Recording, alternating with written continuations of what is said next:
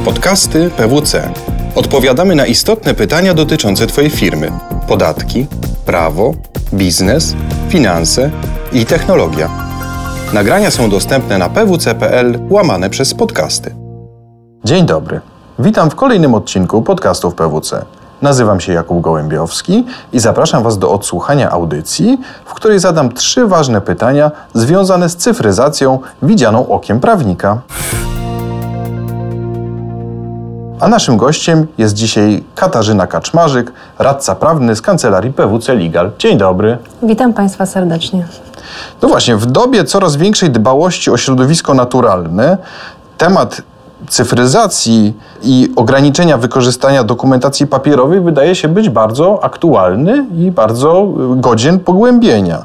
Dzisiaj chciałbym się w tej naszej audycji zastanowić razem z Tobą, jakie ryzyka generuje przejście na formę elektroniczną, jakie to daje też szanse i właściwie gdzie możemy tę formę elektroniczną wykorzystywać. Może w trakcie audycji stanie się to jeszcze jaśniejsze. Może zacznijmy tak od samego początku. Czy tobie jako prawnikowi taki koncept organizacji, w której nie ma papieru, nie wydaje się być lekko baśniowy i absurdalny? Dla mnie koncept organizacji bez papieru nie jest ani trochę szalony. Jest jak najbardziej realny i to w stosunkowo krótkiej perspektywie czasowej. E, I to jest nie tylko mój pogląd, ale wielu moich kolegów po fachu z innych organizacji także podziela tą ocenę i zaczyna wdrażać w swoich organizacjach rozwiązania, które w coraz większym stopniu pozwalają na realizację cyfryzacji obiegu dokumentów.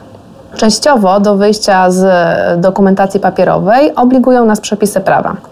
W kontaktach pomiędzy przedsiębiorcami a urzędami czy sądami coraz częściej wymaga się dostarczania dokumentów w formie elektronicznej. Gdzie to się dzieje? Elektronicznie składamy już sprawozdania, JPK, deklaracje podatkowe, oferty przetargowe.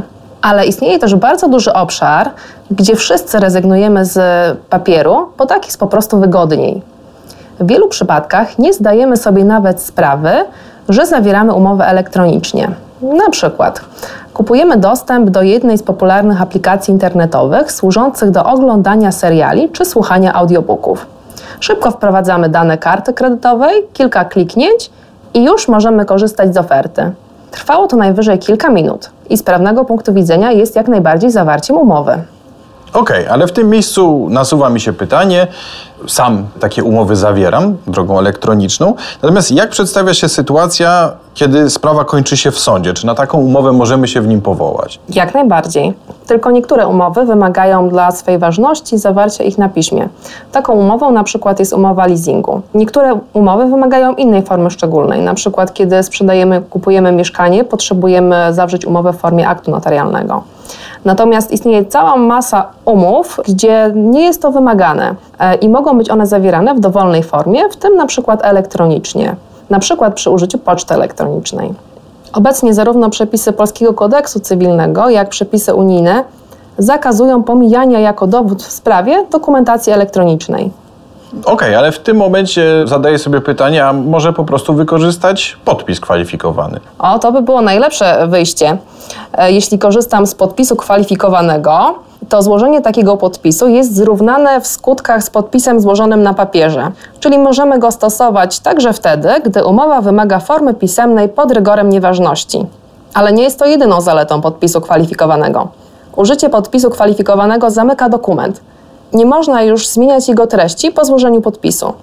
Podpis kwalifikowany pozwala też na ustalenie tożsamości osoby, która podpisała dokument. A czy nie jest tak, że jednak podpis kwalifikowany ma pewne wady? Nie nazwałabym tego wadami. To raczej takie czynniki, które wymagają usprawnienia, aby rozwiązanie stało się powszechne. Podpis kwalifikowany kosztuje kilkaset złotych i to może być barierą w jego powszechnym stosowaniu. Jednak wiemy, że dostawcy podpisów pracują nad rozwiązaniami, które obniżą koszt podpisu. To otworzy możliwość korzystania z podpisów kwalifikowanych w relacjach B2C. Okej, okay, a teraz wróćmy na chwilę do tematu przewodniego, który przyświeca naszej audycji. To jak mamy się pozbyć dokumentacji papierowej? Najprościej jest nie produkować nowej dokumentacji papierowej, wstrzymać jej napływ, postawić tamę tym dokumentom papierowym. Jak to wdrożyć w organizacji? Najpierw trzeba się przyjrzeć, jak działa organizacja, jakie mamy w niej obiegi dokumentów i zidentyfikować te dokumenty, które wpływają na chwilę obecną papierowo. Z tego należy następnie odcedzić dokumenty, które da się zmienić na elektroniczne, czyli zdigitalizować od początku. Na przykład zmienić proces tak, aby dało się autoryzować albo uzyskać dokument elektronicznie. Czasami potrzebujemy tylko informację, jaką dokument zawiera, a nie jego papierową postać. Wtedy można go zeskanować, a oryginał zniszczyć. No dobrze, w takim razie, czy oznacza to, że mogę zeskanować dokument, a oryginał wyrzucić czy też zniszczyć? Czy taki skan będzie dla mnie wystarczający? Możesz tak zrobić, ale tylko wtedy, gdy, tak jak mówiłem, potrzebujesz dane z tego dokumentu, a nie sam dokument. Na przykład, kiedy staramy się o kredyt, bank prosi nas o wyciąg z rachunków. Pobieramy go sobie skorzystając z bankowości elektronicznej, drukujemy i zanosimy do innego banku. Tam pracownik banku wpina go do naszej teczki. A przecież mógłby zrobić skan i dodać go do elektronicznego repozytorium, lub ba, od razu poprosić nas o przesłanie wyciągu na e-mail. To jest właściwy kierunek. A co w sytuacji, kiedy potrzebny jest ten oryginał y, papierowy i skan sam w sobie po prostu nie wystarczy? Odpowiedź na to pytanie nie zawsze będzie prosta. Aby określić, czy wystarczający jest dla Ciebie dokument papierowy, czy wystarczający jest jedynie skan, potrzeba pewnej wiedzy prawniczej i doświadczenia. Taka digitalizacja wtórna, czyli zeskanowanie oryginału i posługiwanie się dalej skanem, nie będzie zalecana w przypadku dokumentów, które zawierają oświadczenia woli. Na przykład umów, które zostały zawarte w formie pisemnej. Brak jest przepisów, które pozwoliłyby na sporządzenie skanu takiej umowy odwzorowania cyfrowego i zrównały go z oryginałem. Dlatego skan nie zawsze będzie wystarczający w razie ewentualnego sporu sądowego, choć powinien być dopuszczony pomocniczo jako dowód w sprawie. OK, czyli w przypadku umów najlepiej, żeby one od razu powstawały w tej wersji elektronicznej, czy tak? Zdecydowanie, a najlepiej przy użyciu podpisu kwalifikowanego. Wtedy chronią nas regulacje, o których mówiliśmy już wcześniej. Jasne. Natomiast y, pozostaje jeszcze problem tych historycznych archiwów i zbiorów zgromadzonych przez lata. Co możemy zrobić, żeby trochę je ograniczyć? Całościowego rozwiązania jeszcze nie ma, niestety, ale zauważymy korzystne zmiany także w tym obszarze. E, na przykład od tego roku możemy wtórnie digitalizować papierową dokumentację pracowniczą. Wymaga to wdrożenia odpowiedniej procedury, w szczególności zastosowania skanu o odpowiednich parametrach, użycia podpisu kwalifikowanego przez pracodawcę, aby uwierzytelnić skan.